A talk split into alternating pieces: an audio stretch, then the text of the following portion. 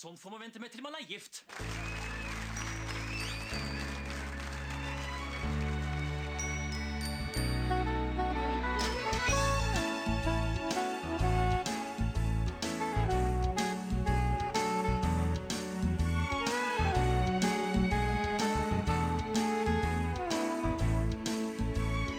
Hei, velkommen til en ny episode av Norsk film filmpodkast, hvor vi ser norsk film med et kritisk, men kjærlig blikk. Navnet mitt er Emil. Jeg sitter her som alltid med. Stefan heter jeg, og vi har jo en eh, gjest i studio i dag. En eh, ekspert, vil jeg si, på eh, den norske skuespilleren eh, Kim Kolstad. Velkommen. Takk, takk. Ola heter jeg. Og vi har en fjerde gjest her òg, så det er en hund som går litt i bakgrunnen. Så hvis du hører noe bråk, så er det det. Coco heter den. Erfarne lyttere husker jo kanskje Ola fra en av våre mest populære episoder noensinne, Gymnaslærer Pedersen. Og vi har jo generelt lagt oss på en veldig mye mer sånn publikumsfrieri-linje sesongen her, så derfor har vi med Ola nå igjen. Og håper at det skal booste lyttertallene også på denne kanskje litt obskure episoden som vi skal ha i dag. For, ja, fordi eh, filmen vi skal snakke om i dag, eh, den vant Amanda-prisen for beste kvinnelige hovedrolle. En eh, stor utmerkelse. Jeg snakker selvfølgelig om Weekday. Weekend. Jeg kan, Det er en eh, kjede hvor du kan kjøpe eh, moteklær. alle, alle vi tre sitter selvfølgelig i weekday-bukser nå. Eh, Weekend heter filmen. Den er fra 1998 og er regissert av Erik Gustavsson, som kanskje er mest kjent for eh, filmene 'Sofies verden' og 'Herman'. Mm. Så det er jo egentlig en ganske sånn merittert norsk regissør som vi har med å gjøre her. Utrolig nok. Dette er jo kanskje ikke en av de filmene som er mest populære. I was with you all the time. If I came to you today, would you Din tur, spør meg. Fått den fra Send reven. Spør meg, så skyter jeg. Rappan, eller? Jeg skyter. Hovedstaden i Indre Mongolia. Hva er Ulan Bator? Din tur, spør meg. Ulan Bator, jeg vet da faen. Var det ikke du som skulle svare? Hva er Ulan Bator? Det er det som er svaret, ikke sant? Faen, du er så jævla treig! Fett! Traff på første. Kutt ut, da, Terkon. Folk kommer til å stå i kø utafor vinduet her, ikke sant? Lørdag, Adam. Hytteveggen nå, vet du.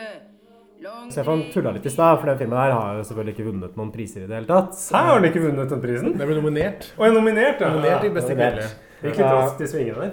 Vi pleier jo alltid å ha et sånt segment hvor vi går gjennom prisene, og siden vi ikke har det i dag, så har jeg funnet opp et alternativt innslag. Eh, fordi filmfestivaler har jo ofte ganske mange rare navn. Hvis man ser rundt omkring i verden, så er det overraskende liksom, hvor mange obskure filmfestivaler på obskure steder som fins. Sundance, eksempel. Det er en uh, kjent filmfestival. Så for å lage liksom, eh, litt underholdning ut av dette, her, da, så har jeg da samla sammen noen reelle navn og noen navn som jeg har funnet på sjøl. Så da tenker jeg å quize dere to. At da skal jeg gå gjennom noen titler på noen filmfestivaler her nå, så får dere gjette om det er ekte eller fake festival. Nå gleder jeg meg, Emil. Ja, det var det var bra, bra innslag. Jeg starter som følger med å lese beskrivelsen av filmfestivaler fra norsk Wikipedia. En filmfestival er en festival hvor filmen hylles. Det finnes en rekke norske og internasjonale filmfestivaler. Mange av festivalene deler ut premier eller utmerkelser til de beste filmene. Den første festivalen jeg har, er New York Polish Film Festival i New York. Er den ekte, eller er det jeg, jeg som har funnet den på?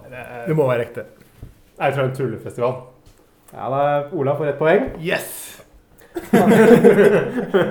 Andre, andre, eh, andre festivalen her Fresh Filmfestival i Tsjekkia. Eller Fresh Film Festival blir det på engelsk. da. Eh, jeg tror det er eh, sant. Jeg den det er Da satser jeg på fake. Fake. Ok, da var det Stefan uh, som fikk rett. Hva med denne her? We Like Movies Festival i Ghana. um, ekte. Fake. Ja, det er Stefan har rett. Så- Ok, da har jeg en til. Jeg har, jeg har faktisk 20 stykker her, men jeg kan kanskje ta noen nå, så kan vi ta flere på slutten av episoden. Jeg kan ta en siste, da. Eh, Bangkok Gay and Lesbian Filmfestival i Bangkok. Sant. Ja, ekte. Ja, begge har rett. Det er et ekte festival. Så det tenker jeg kan bli et sånt fast segment nå. Det er virkelig en sånn utømmelig kilde.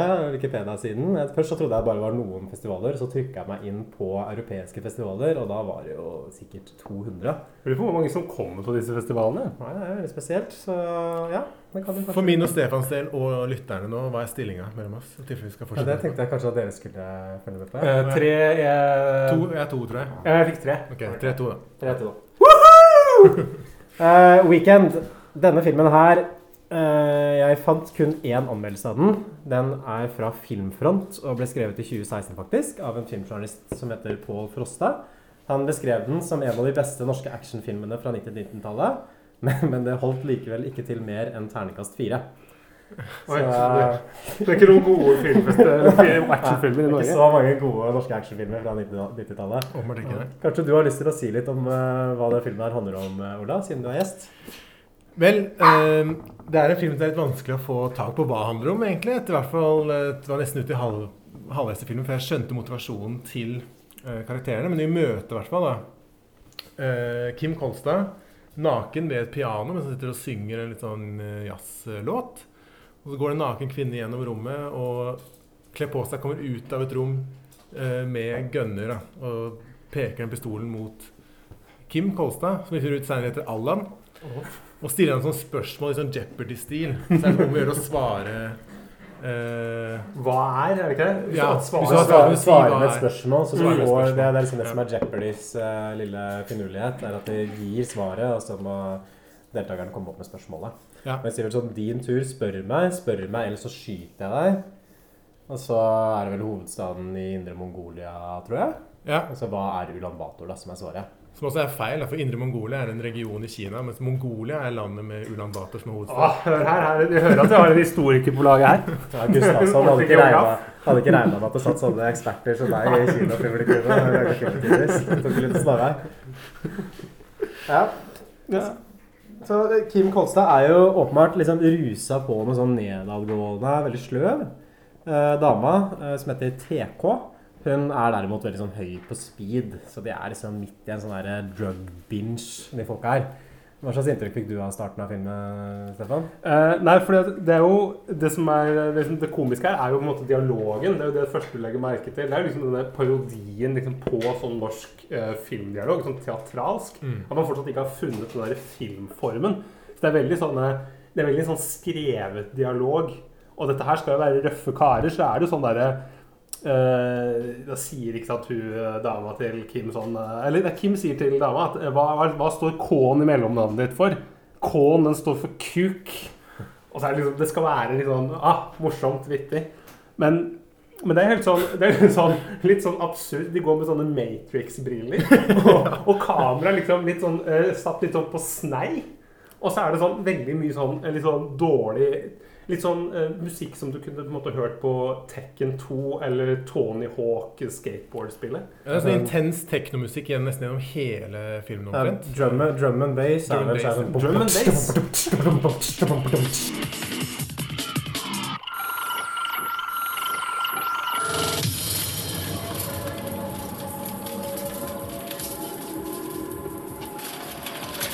Det er sånn grep her hvor det lydsporet veldig ofte sånn starter og stopper. Ja. Det ble altså sånn slått av liksom, i den åpningsscenen. For det første så er den jo ganske lang. Jeg tror den tar sånn ti minutter. Og de bare går rundt og krangler sånn over ingenting. Sånn typisk sånn junkie-krangling, Mm. liksom. At det bare er frem og tilbake, og alle begge er liksom i helt sin egen verden. Og at du har liksom den musikken som starter og stopper, sånn brå klipp. Mye sånn der plutselig sånn stemningsskifter. Så jeg syns det var en veldig slitsom start da, på filmen. Så ser vi innimellom sånne svart-hvitt-klipp av Mm. som liksom uh, På en øy, to jenter som i liksom gammeldagse klær som står på en liten holme ute i vannet. Mm. Vi tenker jo bare at dette er hallusinasjoner. Ja, eller noen sånn flashbacks, tenkte jeg siden det var svart-hvitt. Men det er også noe sånn hvor hun eh, får noe som ligner på et flashback inni leiligheten hun TK.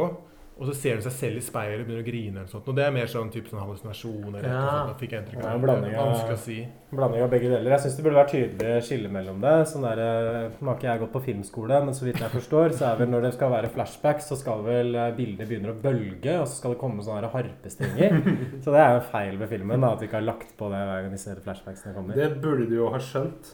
Men uh, det, vi skjønner jo liksom veldig lite. Men uh, så, så forstår vi at det er jo ikke De er jo et stort hus, men det er ikke deres hus. Det er huset til doktor Kai Strand, spilt av Kai Remlov. eh, kom, og han kommer hjem i den fine Range Roveren sin og, måte, og finner ut, skjønner jo at her er det noe innbrudd på gang.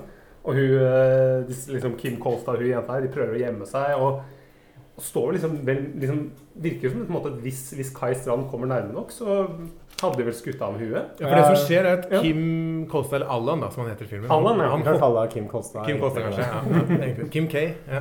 Han hopper ned fra balkongen, og så skal liksom hun eh, TK hoppe etter.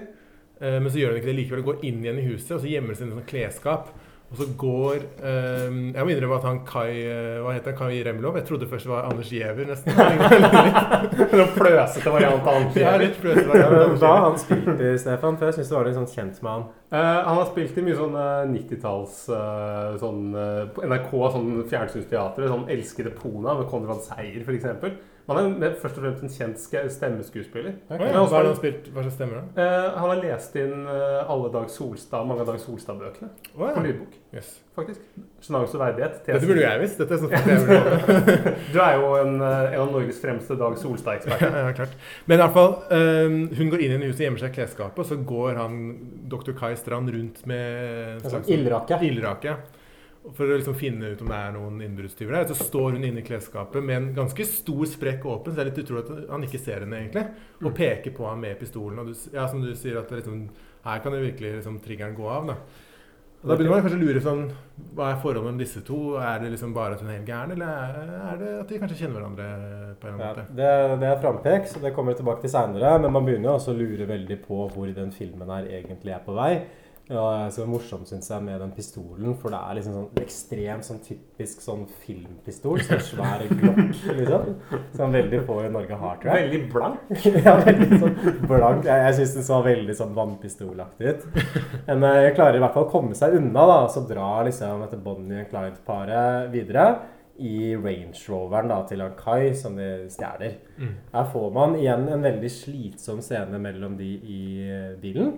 De har igjen en sånn der junkie krangel. Nå krangler de liksom om hvor mye eller hvor lite hun puster. Mens dette er drum and bass-soundtracket driver liksom og pumper i og går i bakgrunnen. Det er mye sånn skjeve kameravinkler, liksom. At man ser dem liksom på skrått. Mm. At de er, u- u- nærbildene er sånn ubehagelig tett på. Så det er veldig sånn derre Ja, ubehagelig, anmasende, hektisk, stressende stemning. Det er som Veldig. tyggegummireklame fra 90-tallet. Sånn ekstra tyggegummi. Slapp av litt, da. Du puster veldig mye nå. Puster? Så jævlig mange som ber meg slappe av, du. Puster? Ja, puster. Si at du puster ti ganger i minuttet. da. Hvor mye blir det i timen, egentlig? Hvor mange ganger blir det i timen, egentlig? Egentlig? Skal vi si 600 ganger? Trykk på på-knappen, Allan. Og så plutselig, mens midt i den krangelen, så er det noen som roper ut 'Mamma!' Og så viser det seg at det sitter en liten kid i baksetet der. Og da må jeg innrømme at det noterte jeg med en gang, for jeg syns hun Riktignok, jeg skjønner at hun er speedfreak, hun er dama, det har vi skjønt, hun Mm. TK. Men hun har en voldsom reaksjon på den her eh, kiden og går ut av bilen og truer barnet med, med, Med den svære Ja, glokken. med den svære glokken. Og dette her skjer jo sånn der midt i en av de svære rundkjøringene utafor Oslo. Ja. Ja. Bispelokket der. Ja, de Helt utrolig at liksom liksom ingen der. biler ringer purken, eller at liksom noen stopper og lurer på hva som skjer. Det, det, jeg, jeg trodde egentlig at det- barnet først var en hallusinasjon. Ja. For altså, Det er en sånn, litt sånn rar kontinuitetsgreie her, hvor plutselig at de sitter med solbriller på inni bilen. Så det er litt sånn uklart hvor mye tid som har gått mellom forrige bilde. Litt uproft, egentlig. Men det viser seg at det barnet er reelt. At de på en måte har kidnappa denne ungen da, sånn litt mot sin vilje. Og vi klipper jo videre til eh, Nå er vi hjemme hos Kai igjen, og politiet har ankommet. Og hvem er det som spiller politimann? Det er selvfølgelig Lasse Lintner. Apropos temamusikken vår. Eh, kjent fra TV-serien Holmes. Som alle husker og har et sterkt forhold til. Og mimrer om jevnlig. Ja, han, øh, han er politietterforsker i svart skinnjakke og prøver å liksom Og forhører han Kai ganske sånn voldsomt, liksom aggressivt. Som at han tror at det er Kai som liksom er, eh, har kidnappet sitt eget barn og stjålet sin egen Range Rover. Men han begynner å konfrontere Kai, for at plutselig er det noen som de, og spør om noen har ringt. Og så sier Kai at ja, det var noen som ringte. Og så, og så er det liksom masse fram og tilbake dette her, hvor, hvor Lars, Lars Lintner vil vite hvem som har ringt, og begynner å, å henge seg opp i liksom, om, han, om Kai har blitt truet av noen. og så det er litt sånn, er litt sånn merkelig scene, egentlig. Litt sånn rotete oppsett i det hele tatt på filmen. Men Veldig. Stefan, eh, du, du må jo si litt om Lasse Lintner, føler jeg. For dette er vel første filmen som vi ser med ham. Hvis Ja. jeg husker riktig. Sånn, hvem er Lasse Lintner, og hva er det han har betydd for uh, norsk film? Jeg er jo en av bautaene i norsk film. Som har, han har spilt i Hotell Cæsar, blant annet. Uh, gjort en, liksom, en god rolle der. Sammen med Han er jo samisk skuespiller Anne Marie Ottersen, kjent fra 'Hustruer'. Som vi så på Valkyrien pub rett, rett etter vi hadde spilt i en Ja. episode. Ja, og de eh, gikk bort til dem, og de ville jo selvfølgelig være med i podkasten her. Nei, de gjorde ikke det. Vi skulle, vi skulle ha gjort det. Turte ikke. Vi satt bare på bordet og var starstruck begge to og stirra ned i bordet. Ja, så hvis du vil møte dem, gå på Valkyrien pub i Oslo. Da henger de ofte der. Men eh, nei, han er jo altså, Han har jo spilt i mange liksom, i Hva med venner-filmer. 'Drømmeslottet', blant annet. Er jo sånn, er jo sånn litt sånn kjekkas. Sånn kjekkas fra Bergen. Ja, eh, kjekkas og kjekkas, jeg vet ikke. Men han Jeg er synes jo han er kjekk. Ja. Men han er en veldig sånn der, norsk skuespiller som jeg føler meg forbinder veldig med norsk film. Er kanskje Mm. sånn spesielt for de Vam og venner-rollene, og også at han var med i Holmes, har jo spilt i mange andre TV-serier også. En sånn norsk filmhåndverker som kanskje aldri var noen sånn stor stjerne, egentlig, men som er veldig sånn gjenkjennelig da, når man først ser ham. Jeg har sp- jeg har spilt uh, gal mann som sprenger en kontorbygning i Oslo sentrum i Adjø solidaritet. Mm. Som psykiatrisk pasient. Har du noe forhold til Lintner, eller Ola? På ingen måte, faktisk. Det er ikke det hele tatt. Dette er faktisk jeg tror, omtrent mitt første møte med Lasse Lintner, i hvert fall som jeg veit om. Hva syns du om rolletolkningen hans her som politimann? Jeg har jo samme tolkning som Stefan. egentlig. Jeg, satt og noterte, for jeg skjønte ikke hvorfor han oppførte seg så jævlig aggressivt overfor offeret i den saken. Eh, og er, Vi skjønner etter hvert at uh, denne telefonsamtalen så kanskje har han dr. Kai Strand et eller annet å skjule.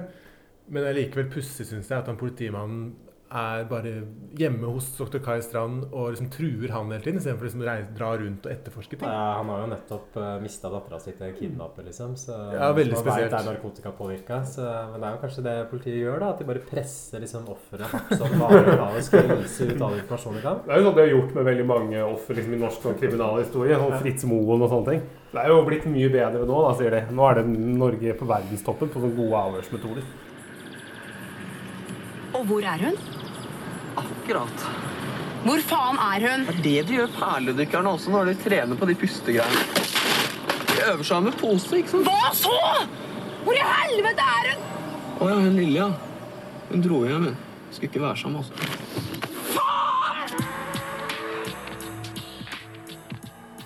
TK og Kim Kolstad drar videre, og så er det en scene her hvor de skal stikke og handle. Og Kim Kolstad roter bort barnet, for han sitter med huet i en sånn Burger King-pose. av en eller annen grunn, Og skal skal- lære seg til å puste ja, Det er sånn det er typisk sånn der junkie-rør. Ja. Det er veldig mye av det i den filmen her. Det blir perledykker. Og det, jeg syns det er veldig sånn rare overganger mellom scenene her. At man blir på en måte kasta liksom fra sånn der plottpoeng til plottpoeng. Jeg tror kanskje det skal gjenspeile litt den der speed-påvirka tilstanden til hovedpersonen. Ja. Det minner litt om sånn der norsk versjon av den Spun, hvis noen har sett det. her. Sånn Jonas Åkerlund-film med Britney Murphy. Som også var en sånn skikkelig slakta film. Som skulle prøve liksom å representere den følelsen av å være på speed. Og som heller ikke gjorde noe bra på kino. For det viser seg jo, sånn, eh, hvem skulle trodd det, at folk syns det er litt sånn ubehagelig å få den der speed-opplevelsen. Hvis du bare tar bort all euforien og liksom all den der selvtilliten som man skal få når man tar speed, da, altså kun sitter igjen med stress og vanien, så er ikke det en sånn spesielt tiltalende filmopplevelse for mange. Tror du eh, Jeg tror at ja, han der, eh, Gustavsson har, liksom, har sett uh, han derre Bjørn Åkerlund? At han har sett på de filmene? Ja, Det lå vel kanskje etter at det lå i tiden. for Spønn kom jo sånn ut på 2000-tallet, og så har jo 'Requiem for a Dream' og Arof Moske sånn mellom der. Ja, men men også har jo noen sånne scener hvor Det er vel hun mora i den filmen som begynner å gå på en sånn slankestoff som man finner ut er basically bare rein amfetamin. Hvor hun går liksom rundt og vasker i leiligheten sin og har sånn type sånn amfetaminpsykose. da. Så ja, nei, det var kanskje et eller annet i tiden at amfetamin det var liksom dopet for slutten av 90-tallet og starten av 2000-tallet. Eh, Jeg syns egentlig filmen formidler den tilstanden på en ganske sånn effektiv måte. Jeg vet ikke hva dere syntes. Eh, ja. Ok, jeg, synes, Ja, jeg, jeg er enig, men eh, jeg satt jo, som seer så sitter jeg jo mest der bare jævlig sliten av å Ja, men det er jo det Du blir jo sliten av det. Jo, jo, Så er, det, er liksom- det er jo ikke behagelig, men det er jo Ja. Men Jeg synes det er kommer litt inn i etter hvert at liksom, det er kanskje andre ting med filmen som er betydelig liksom, prega av dårligere kunstneriske grep enn f.eks. 'Requiem for a Dream' og sånn. da. For dette er jo ikke den norske Requiem for a Dream. Jeg må jo bare si det til alle unge lyttere som nå på en måte sitter og sitrer foran podkastavspilleren og tenker på Er dette den norske Requiem for a Dream? Denne store norske, den store verdenskjente filmen? Vi kan si at det er det nok ikke. Det, det som skjer, er at eh, de, hun, TK løper inn på et sånt kjøpesenter for å finne kiden. Mm. Og så ser vi at hun, eh, det barnet står og prater med en vekter og de sier at hun vil hjem til mora eller et eller annet sånt noe. Og så kommer hun liksom og holder henda foran øynene og sier sånn 'Der var du, og der er lillesøstera mi'. Og så virker det som han derre Hun liksom Jeg tror liksom det scenen prøver å formidle, er at hun er så sjarmerende. Ja. At liksom vekteren blir liksom litt Spiller sånn litt på sex, men jeg Ja. syns han så veldig redd ut, bare. Ja, jeg tenkte ja. at han mistenkte henne. Ja, for jeg skjønte ikke helt hva For jeg er også enig i det. at Liksom, det virker som det scenen prøvde å formidle, men jeg har også satt med liksom det inntrykket at det egentlig virka mer som han liksom var liksom mistenkelig når han gikk derfra. Jeg skjønte liksom ikke helt om han var tiltrukket eller mistenkelig. Men, Begge deler. eller, eller liksom perpleks. Han bare liksom skjønte ikke Ja. Men men for det, for det, det jo er, er, er den hovedkarakteren Er hun tiltrekkende? Jeg tror det er meningen at man skal synes det, for Ja. det forfører jo ganske mange i løpet av filmen. Uh, inkludert Kim Kolstad. Uh, så de, de drar jo også liksom etter dette inn igjen i denne bilen. da, Så får du enda flere sånne junkie-krangler mellom dem. Og man, jeg, jeg følte meg veldig sånn låst liksom, i den filmen. At jeg hadde veldig lyst til å liksom, bare komme meg ut av den eller sette på pause. At Ja. det er virkelig sånn ubehagelig å sitte og se på den og være i det universet. Hvert fall når du liksom har Kim Kolstad som bare henger seg opp og sitter og gjentar ting igjen og igjen og igjen. Da var den derre Alle hørte om det, alle hørte om det. Hun var 17, han var 60. Alle hørte om det. Er ikke noe rart det er 17 og 60, og sånn bare går og går og går og går og går. Med den der drum and bass-musikken i bakgrunnen. Og hun driver og snakker om sånn der Hadde jeg hatt bikkje, så skulle jeg kalt den Hitler. Kom, Hitler, flink gutt. Så Det er sånn typisk greie at begge liksom holder på med sin monolog, basically, og ikke snakker med hverandre. At de ikke reagerer på det de hverandre sier. Og det er en veldig slitsom effekt, fant jeg ut da jeg så den filmen der. Så allerede innen en sånn der, eh, 20 minutter inn i den filmen her, så begynte jeg å bli klar for at weekend-opplevelsen skulle bli ferdig. Samme her. må jeg si. Jeg hadde ikke lyst til å bruke mer av weekenden på den filmen her. Um, i mens disse scenene med den hunden som heter Hitler og sånn, så er det liksom kryssklipping med en en, eller en andre og en tredje politimann som er uh, ute og liksom Ja. utkikk. Det der, ja. Hva er, hva er greia med de? Er de trafikkpolitimenn? Nei, de er på oppdrag, for de stopper, uh, de stopper Land Rovere. Så de er på senere. Mm. liksom De skal liksom ut og se etter dem, ja. Ja, for det fikk jeg ikke med meg i det Jeg hele tatt. Jeg var Ikke heller før jeg, før jeg så at de liksom eh, De stoppa biler, og da var det liksom en, det var en Land Rover eller noe lignende. Ja. Det var det som var poenget. Men han ene er fra Kristiansund. Ja, det han, ja, han har alltid lurt på hvem er. Han har sett i masse norske filmer. Oh, ja, ok, jeg kjente han ikke igjen. Men jeg synes også, det kan komme litt tilbake til. Det er andre folk jeg sleit med å kjenne igjen, faktisk. Fordi det er så mørkt, mye av filmen. Jeg synes det er samme her. Det er så, Dårlig vi møter han Kristiansund-politimannen tror jeg, inni en tunnel første gang. Det er altså veldig mørkt. Og så tror jeg at ideen at han skal være liksom comic relief, eller? Nei, men han sitter jo bare og kødder, han også. Jeg syns det virker som han også har med på amfetamin. for Han sitter, han sitter og tygger sånn tyggegummi veldig kjapt, og så driver han og snakker sånn der klikkespråk i, språk i Afrika. Ja. Og bare har en sånn lang monolog om det. Så jeg syns det var veldig sånn poengløs scene, egentlig. Kanskje en poengløs karakter også, Veldig. for den saks skyld. Skulle sett meg sjøl. Var på aspirantkurset i Cape Town. Var utplassert i townshipsen der, da. Trøbbelet var at de snakka kåsa lenge. Språket Språk er sammensatt av tolv klikkelyder. Eneste trøbbelet er at eh, de har ikke noe fremtid og ikke noe fortid. Så det de gjør, de snakker Og så peker de. Tidslinja er foran deg. Tenk deg med radioen, da. Dunker dem tre ganger fremtid, to ganger fortid. Øy, faen. Skulle være med på. Hæ? Pepperkaken.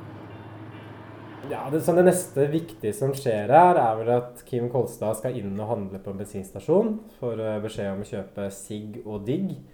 Og der inne så møter han Anne Marit Jacobsen i rullestol. Og hun sitter og babler om noen sånne veldig kryptiske greier.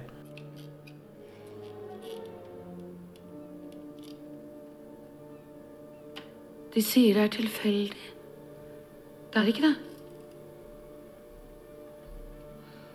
Det tar litt tid før du ser det. Englene holder i deg til du er 30, Du har ikke saltsteit uten filter. og så slipper de taket. Så faller du. Som to dråper vann.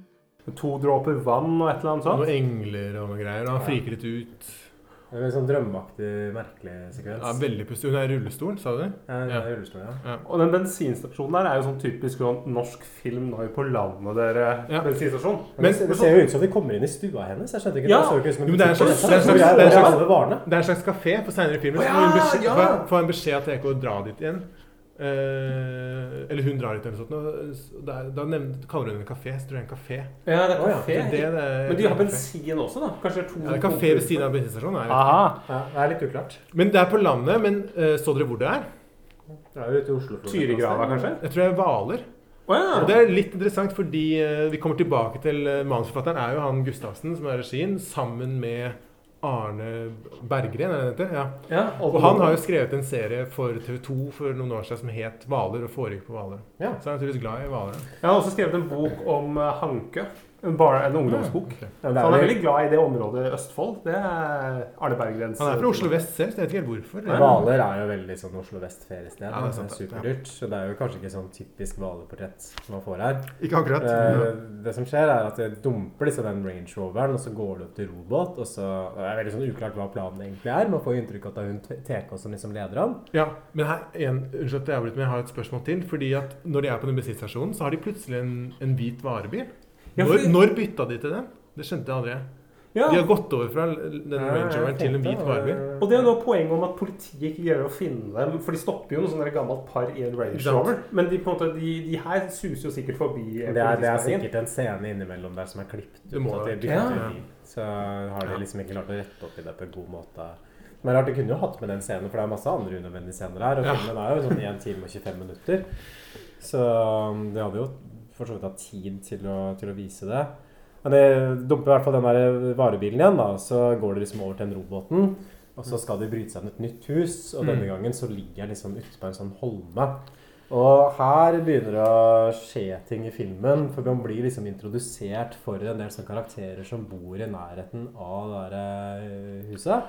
Blant annet en sånn, der, sånn grov, sånn røslig fiskertype som står og observerer dem. Ja, en fiskertype som går rundt med hagle. Ja, det er sånn scene Og hvor han, skyter en båt med den hagla. Veldig pussig. Av en eller annen grunn. Ja, så dere hva, hva slags caps han hadde? Han hadde på den blå caps. Ja, og det, En sånn Coop Ops-caps. ja, og det, men det er veldig gøy, for det her må være sponsa av Coop Ops. For når jeg er inne i kjøpesenteret med han vekteren, så ser du den Ops, Coop Ops-logoen i bakgrunnen. Så jeg tror det er spons. Det er dårlig spons, da, for han er jo på en måte ekleste karakteren i filmen. Så at han går ut med sånn Coop Ops-caps, da syns jeg Lasse Lintner burde gjort det.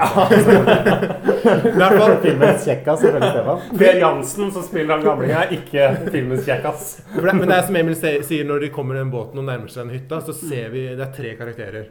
Det er en fyr som har, eier båten og driver med sånn noen malerier og sånn. Ja, som er sånn, eller noe, tror jeg. ja, som er en sånn derre riking. Hoff, Vestkantfyr. Trygve Hoffmann, tror jeg han heter. Spilt av, Hoffmann var det, spilt av ja. Per Christensen, som vi kjenner fra både Elling og en eller annen film. Så han er litt sånn virkelighetsfjern aristokrat, må Ja. være hans karakter, da, føler jeg. Og så er han der eh, ekle jegertypen som Altså, ingen i Norge går rundt med hagle til hverdags, liksom, Nei, ja, som bare er liksom lokale psykoen, på Ja. en måte. Men da er vi på landet. Som viser seg å hete Bråten etter hvert, lærer vi. Og så er det en tredje person. Hvem er det, Emil? Det er Jon Øigarden. Som Er det Jon? Det er Ikke Jon- sant? Jeg kjente han Nei, ikke jeg kjente igjen. Nei. Nei, nei, det er veldig, han er veldig sånn godt skjult, fordi han har på seg en sånn der, sånn tjukk uh, ullgenser. Og så sånn tjukke briller, og så en caps eller en hatt eller hodeplagg eller noe sånt, som er sånn trykt veldig ned i trynet. Så det er ganske, ganske vanskelig å se at det er Jon Øigarden. Og som alle sånne som skal spille tilbakestående i norsk film, så, er han, så stammer han i tillegg. Ja, fordi han Bom. han, han er jo en slags sånn derre det, det er liksom han derre Fiskeren er på en måte psykoen i bygda, så er han på en måte den derre. Liksom farlige landsbyidioten. Ja. Så det er, det er veldig sånn der spesiell liksom, skildring av dette miljøet. Veldig pussig. sånn piknik med døden. Ja, det er det jeg tenkte på. Ja. Jeg, jeg vet liksom ikke helt om Jeg føler at filmen trengte akkurat det i tillegg. At du har allerede Kim Kolstad og TK, Ja. og den plottlinja der som er så crazy. Så da trenger man liksom ikke å uppe det enda mer. da. Nei, det er tre hvorfor både ta liksom peanøttsmør og syltetøy på brødskiva? Holder det ikke liksom med bare ett av dem? Nei, Det er veldig lite troverdig at disse karakterene Ja. faktisk finnes. Ikke sant? Helt enig. De er ekstremt karikerte. Mm. Og uh, Jon Øigardens karakter heter da Bom Bom, får vi vite senere. Jeg vet ikke helt hvorfor, men uh, det er navnet hans. Verden er det som har foregått her, da? Bråten! Har de tau? Den må, den må trekkes inn på grunna! Ja, Dere ser ikke bra ut, Geir. Det er nærmest uerstattelig! Eneste plattgatteren fra Furuholmen i Egersund! Ting varer ikke evig, veit du. Man må vel kunne fortøye nødsfall! Nødsfall og nødsfall, fru Blom. Jeg husker marinefartøyet som gikk ned rett utafor her. Var vel i 50-åra en gang. Der var marinegasser og kokte olje over hele vika innover her. Jeg må ha litt hjelp her! Det blei ikke noe varmere i vannet av den grunn. Eller blei det det? Hæ? Bom, bom. Uh, Jon Øigarden tar jo også nesten og påkjører Kim Kolstad i traktor. For han sitter liksom og drikker sånn sprit mens han kjører traktoren. Og det er en sånn scene ute i skauen der, og Kim Kolstad bare begynner å skrike sånn liksom Musikken begynner å dunke enda mer, kommer inn igjen og klikker helt, så bare intensiteten bare bygger og bygger og bygger seg. Og nå har jo liksom filmen ligget liksom her oppe sånn helt fra start. I omtrent en halvtime inn, så jeg, jeg, jeg ble veldig stressa. Veldig. Og så er det den rare sånn parallelle historien med han der gamle vestkantfyren hvor, hvor fiskeren eh, skyter i stykker båten hans med hagle. Som jeg ikke som Hvorfor, ikke hvorfor gjør han det? Hvorfor skyter han den båten? Er de uvenner? Er han på en måte sur for at eh, han sosen begynner å komme og tar over liksom, hans hvaler og hans domene? Dette er jo det første vi får se av disse to karakterene, og så skjer det her. Så det er sånn omtrent, i hvert fall. Så det er Ja, jeg fullstendig umotivert. Liksom. Jeg tolka nesten som at han fiskeren var en slags sånn tjenere eller husmann for han der eh, kunstmaleren. Ah, okay. Ja, han liksom er stedets riking. Og den, han gjør det er ikke bare det han gjør, han fiskeren, for han sniker seg også inn i huset hvor Kim Kolstad, TK og hun eh, barnet, som heter Cecilie, bor. Og han ser på at Kim og TK har sex, da. Eh, Det er en ganske sånn eksplisitt sexscene her, egentlig. Meget. Overraskende til å være en såpass gammel norsk film. Så det er liksom tydelig at du har prøvd å gå for sjokkfaktoren her hele veien. Ja. Og det er på en måte en ting som jeg nesten respekterer litt med filmen også, at den går såpass langt som det den gjør. Både dere som avbilder rus og nakenhet og sex, og karakterene er jo sånn usympatiske. Og det er sånn uklart hvor mye skal man heie på hun TK, da, som er jo filmens hovedperson, sånn egentlig. Ja, for Det vi har fått vite i mellomtida her, er jo at hun uh, Cecilie, hun jenta, det er uh, halvsøstera vel, da, Ja. til hun Therese. At hun, hun, hun Cecilie, Det var ikke helt sånn helt tilfeldig at de var liksom i den boligen helt på starten. Fordi han Kai er nemlig faren Til TK. TK. Sånn estranged far. Og disse flashbacksene som jeg har sett gjennom filmen, det er at tvillingsøstera hennes har drukna i en ulykke. Og det forklarer også det der to dråper vann-greiene. Ja, for de var som to Til- dråper vann. Ja, fordi det er Også- enige tvillinger, ikke sant? Hørte du den musikken som spilles i bakgrunnen der? Den høres ut som sånn der, fra den sikkerhetsvideoen til Norwegian. Ja, kanskje, kanskje det. Eh, og så, så er det etter liksom den drukningsulykken så skjærte forholdet til eh, faren seg. Og vi finner også ut at hun Anne-Marit Jacobsen er altså mora til hun TK. Mm, Selv om Grace. Grace heter karakteren. Selv om jeg sliter litt med å finne ut sånn, hvordan alderen til de folka stemmer overens. For hun ser ut som hun er 80 år gammel i den filmen der. Og TK er kanskje sånn 25 skal være. Og han Ja, Kai er 40 eller et eller annet sånt. Så Det er merkelig. Det er, det er en merkelig miks, og det, det, er jo, det, fortsetter jo bare å bli liksom og forvirrende der. Ja, det er, Fordi- det er, ja, jeg, sorry, kan bare si For jeg, jeg føler at det er så typisk norsk film. Han det skal alltid være sånn traume i bånn. I hvert fall sånn norsk film fra en Mm. bestemt periode og mye sånn norske bøker. At det er alltid en eller annen sånn der barndomstragedie Mm. som liksom ligger under handlinga som skal rulles opp sånn halvveis inn i filmen. Så folk kan aldri være liksom narkiser og kriminelle fordi de syns det er gøy, eller bare fordi de er dårlige mennesker. Nei, det er fordi at du ikke har fått kontakt med pappa, og jeg er så lei meg for at søstera mi Pappa er så fraværende! Ja, det er så teit. Hvorfor må man alltid ha det der tragiske Det er, det, arven, det er arven etter Ibsen. Retrospektiv teknikk. Sorry, sorry, Stefan, hva var det du skulle si? Eh, nei, for det, nå, nå starter du en sånn runde her hvor hun der eh, Therese eh, besøker alle disse karakterene og, på en måte, og snakker med dem. Og vi får litt sånn, Hun går innom mora si, altså som er hun der Grace. Uh, han, uh, han der fiskefyren. Og det er liksom bare sånn, litt sånn usammenhengende samtaler. Hun prøver åpenbart å sjarmere han fiskeren på en eller annen måte. Uh, Forfører jo Jon Øigarden også. Ja. Og, og jeg skjønner ikke helt greia. Og så eh, banker det plutselig på døra, og utenfor så står han vestkantkunstmaleren. Og, eh, og her, det blir jo litt sånn, det blir jo tumulter her. Han blir jo nesten trua av King Kolstad med en sånn harpun.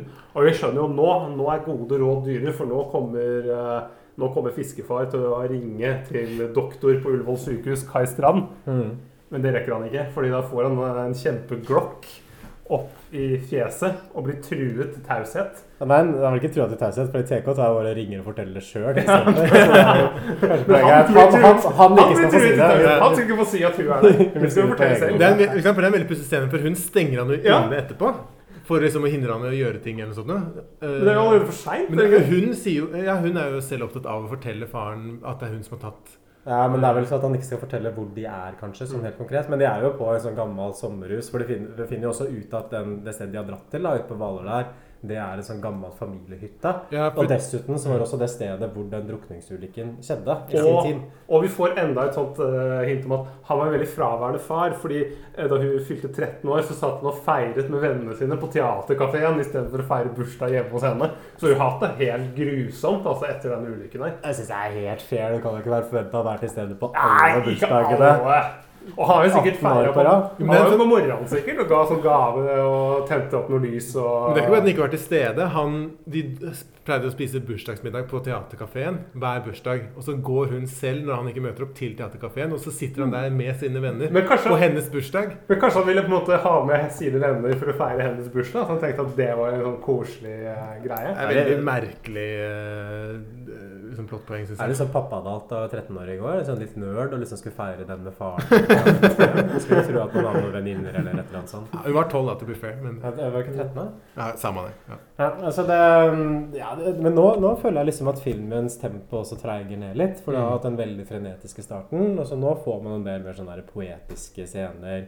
For noen sånne bølger over skjermen. Hun TK snakker om et ansikt i havet. Mye liksom lange og vage monologer. Eh, samtidig som at Kai og kona og Lasse Lintner gjør seg klare for å dra ut til den sommerhytta og hente tilbake Cecilie. Og Da får vi også vite at eh, hun nye kona til eh, Kai eh, har aldri eh, hørt om TK eller Nei, ja, det, det, det har ikke Kim Kolstad heller, så han er jo heller ikke innforstått med dette her. Men det er, det er kanskje sånt problem med filmen, for det blir så jævlig mange avsløringer. Alle skal liksom avsløres for ting hele tiden. Mm. Så man får liksom bare sånn fire-fem scener på rad. Sånn der 'Hvorfor har du ikke sagt dette her til meg?' 'Hvorfor har du ikke sagt dette her?' Liksom, Man forklarer liksom denne tvisten. Faen! Her, faen i helvete! Igjen og igjen og igjen. Og det viser seg at Cecilie er, er faktisk ikke bare tilfeldig unge. Hun er halvsøsteren til hovedpersonen. Ikke sant? Det er en grei twist. Men når du gjentar den twisten da i seks scener, så føles det at den blir litt eh, Ja, og det er det med den, den twisten her at i begynnelsen så sitter jeg som seer sånn Å ja, er de, å, er de familie? Å, det visste jeg ikke. Å, er Kai eh, liksom Thereses far? Men etter hvert så kom, blir det sånn at det kommer bare Det kommer sånne helt oppløpte ting som jeg som seer allerede har regna ut, og så blir det på en måte forklart. Hvorfor, hvorfor begynner de med det her? I begynnelsen så er det i hvert fall litt uforutsigbart. Det er litt sånn ja, nå må du huske at du også er en norsk filmekspert. da. Vi har Ja, det er noe med det, er vel 30 episoder. så vi hadde ikke regna med at folk satt liksom med de argusøynene våre og tok notater og spolte tilbake. Jeg kan, jo, jeg kan jo si til alle som lytter og sitter og hører på, at det kan, kan være veldig Hvis dere er forvirra, så har det ingenting med at dere er dumme å gjøre eller ikke har greie på film. Det er bare at vi er ekstremt gode på film og på en måte kan beherske dette mediet til 100% Så ikke føl dere dumme, og bare, bare spør hvis dere lurer på noe. Bare send en mail, så kan vi svare på det. Ja, nå, nå begynner det å ta som faen ut på den øya der. Fordi Jon Øigarд blir bitt av en hund og klikker liksom helt. Og blir liksom bare helt gæren. Og så tar han fiskeren tar og skyter Kim Kolstad med hagle. Og så kommer Jon Øigarden og dreper han fiskeren igjen. Og Med så harpun. viser det. Gjennom nakken. Og så viser det seg også at Jon Øigarden egentlig har skyld i den drukningsulykken. Nei, han har blitt fortalt det. Han har blitt han fortalt. Ja, det er derfor han er gæren, ja. Ja, ok. han ble gæren fordi han ble Var det ikke det? Jeg tror det er noe sånt at liksom eh, Eller jeg tok det som at fordi han var liksom litt sånn dum, så kunne de liksom pinne det på han. da For det det man han har blitt gjør. fortalt og fortalt seg sjøl siden barndommen. For jeg tror i noen av de flashbacksene så ser en liten gutt som styrer båten. Men Jeg tror kanskje det er han. Jeg tror det er Bom-Bom. Men hvorfor trenger de å pinne en drukningsulykke på noen som helst? Det var jo ikke noen andre som var, Det var jo bare en ulykke. Uh, kanskje det var hans skyld. Jeg tolka det som at noen liksom hadde det, Ja, det, kan- det kan jo hende det, men det gir jo ikke noe mening. Nei, det er- Det er jo ulykke, skjær i sjøen. Det er jo lett å kjøre på dem. Ja, Du trenger jo ikke å finne en eller annen sånn syndebukk hver gang en eller annen liten jente drukner ute i Oslo. Uh, nei, det, det, det blir litt sånn der uklart for meg hva filmen egentlig går for her. Uh, som vi snakket litt om i stad også, at det er en veldig sånn krasj, føler jeg, mellom den der urbane amfetamin Bonnie og Clyde-historien, Mm. som filmen egentlig handler om, og den derre redneck, Fargo, piknik med døden-greia som Ja. de forsøker seg på Mm. sånn i filmens andre halvdel. Og i hvert fall når man plusser på de der to politifolka, som jeg fortsatt ikke skjønner liksom hva gjør i den filmen der. Bare for at de skal komme inn igjen nå i handlingen etter å ha vært borte fra skjermen nesten en time. At det er altfor mange elementer, altså. Ja, og uten å spille, De spiller jo ikke noen viktig rolle igjen på slutten heller. egentlig de Nei, vi er bare med der. i det raidet sammen med sånn 20 andre folk. Kan jeg også bare påpeke at rett før Kim K blir skutt i kneet da, med hagla av han Bråten, som han heter, så løper han ut i nattens mulm og mørke iført solbriller. For Han skal finne liksom han Bråten, tror jeg, for liksom å skade ham. eller noe. Jo, han løper ut, og så, og så har han på seg solbriller. Sånn er det når du er på kjøret, vet du. Skjuler puppene hos snuten. Nå, nå begynner liksom filmen å gå litt sånn litt inn for landing. Jeg, jeg må si at jeg faktisk satt og lurte litt nå på hva som kom til å skje her. Så filmen hadde klart å liksom skape et visst engasjement hos meg. Kim Kolstad er liksom likbleik på dødens rand. Uh, TK tar med seg Cecilie ut på båten. Lasse Lintner og foreldrene kommer stadig nærmere. Jeg har ikke mista noe da, Stefan? eller? Setter fyr på eh, Ja. båthuset med mm, Bråten inne i huset. For liksom, jeg tror det er for å dekke over eh, drapet han selv har utført. Ja. Og, eh, det, det, og så kommer det en veldig brå overgang her fra at Lasse Lintner kommer i skinnjakke, til at vi har liksom hele sånn SWAT-politiet ute der. Nei, plutselig sånn skikkelig uttrykk. Ja, med med helikopter helikopter og greier. og hele, hele sulamitten. Liksom det beste Oslo-politiet kan, kan stille opp med, tror jeg. Og hun TK tar jo da med seg Cecilie ut på en holme, og så kommer det sånne politihelikoptre, så begynner hun å skyte på det. Det er veldig dumt. Med den der lille håndpistolen sin. Og så sier hun noe veldig rart. Og da sier hun ja, Jeg må øh, Jeg må snakke med, med pappa, skjønner du, sier hun til Cecilie. Eh, hvis de ikke tror jeg er farlig, får jeg aldri prate med ham. Det er derfor hun skyter. Så det er motivasjonen Ja. ja. det er jo så motivasjonen hennes hele veien har liksom bare å snakke med farsan. Men farsan har ikke giddet å ta telefonen. Eller ikke svart når hun ringer. Ja. Som er jo til dels kanskje fordi han ikke, han ikke liker henne så godt, og til dels også fordi at han er opptatt med kidnappingen av dattera si. Mm. For det lurer jeg på da, men var det meningen det at de skulle ta hun Cecilie? For på starten av filmen så framstilles jo det som et uhell, egentlig. Ja, Ja, ikke sant? For de satt jo bare bak i bilen her, mamma og ropte Ja. mamma. Hun TK kunne jo ikke ha planlagt for det med mindre hun så at hun var inne der. Men det er litt sånn sløvt òg, hvis man går inn i en bil, og så er det noen i baksetet. Man skal jo helst merke det. Ja, Det virka jo som at du ble oppriktig forundra og overraska. Ja, I og med at hun tar seg bryet med å løpe ut og åpne bakdøra Ja. og true henne med pistol midt i et eller annet, en eller annen rundkjøring så tyder det på at hun ikke var klar over at lillesøstera var i bilen. Men det er det altså som filmen burde ha etablert. Det burde ha vist TK som gikk inn i den bilen, og så har du et lite bilde av hun Cecilie som ligger liksom under der, bare gjemmer seg. ikke sant? Og, er, og det hadde jo Ja. skapt et spenningsmoment, så hvorfor de ikke gadd liksom å bygge en sånn kan vi helt enkelt etableringsbilde. det hvor lenge er hun uoppdaga i bilen før uh, Therese finner ut av det? Det er lang nok tid til at de rekker å ta på seg de der speed-dealer-brillene sine. i hvert fall. Pappa? Pappa? Jeg så deg i går. Visste du det? Du var blitt eldre. Først så var du bare litt grå. Nå var du nesten hvit ved tinningen. Du kom inn i biblioteket. Du hadde ildraken i hånden. Hadde du tenkt å ta livet av meg også? Var du redd? Det var jeg. Cecilie. Hvor er Cecilie Therese? Hun er sammen med søsteren sin. Nei, vi, nå er vi ute på den Holmen, sant? Ja. Og vi har uh, SWAT-team. Eh, vi har uh, disse Han Kristiansund-politimannen er vel der, kanskje? Men er han fra Kristiansund, eller er han fra Molde? Jeg tror Kristians... Han, jeg tror han sier I, eller? Gjør han? Han har en veldig merkelig dialekt. Dette her er, Det er ikke så dette er, farlig. dette er, dette er for Ja, dette mine i Vi har jo masse folk fra distriktene som hører på, så vi, vi kan jo mye om dialekter. Ok, men uansett. i hvert fall- Og så har vi hva he, Er det Lasse Lintner, politimannen? Så, og så står TK og truer i en sånn type sånn uh, gisselsituasjon. Truer Cecilie med, med pistolen. Eh, men det ser, ut- for meg ser det ut som Lasse Linden står og smiler. Ja, det er noe veldig rart med den scenen. Jeg tenkte over selv, Jeg, jeg skjønte ikke helt hva han forsøkte å kommunisere liksom, i ansiktsuttrykket. For Det ser ut som han smiler, men liksom ikke helt. Ja. Vil han skyte henne, liksom? Er det det han tenker ah, gøy å Nei, han står bare sånn og holder seg for, liksom sånn og bare ser på. Han står bare ser Ah, på. ja. Han har ikke noe pistol i- for hånda. Min lesning av dette her, og det tenker jeg også noe med liksom regien uh, av, av den scenen fordi Den er også regissert på en veldig sånn svulstig, nesten sånn triumferende måte. Mm. Mye sånn slow motion, og så har du ganske bombastisk klassisk musikk og kor. Mm. At det liksom skal være hennes sånn grandiose sånn last stand. da Ja. At det er på hennes, hennes triumf, nesten. En sånn tragisk eh, triumf. Så det er kanskje det liksom Lasse Lintner skal stå og føle litt på. Ja, ikke sant? Hun må dø, hun her. ikke sant? Og jobben min som politimann er er å drepe henne, rett og slett. Men jeg setter samtidig liksom pris på wow, ikke sant? se hva du har fått til. ikke sant? Nå står vi her liksom og ser mye styr og leven som du har lagd. Ikke sant? Og jeg syns også motivasjonen her er litt sånn uklar.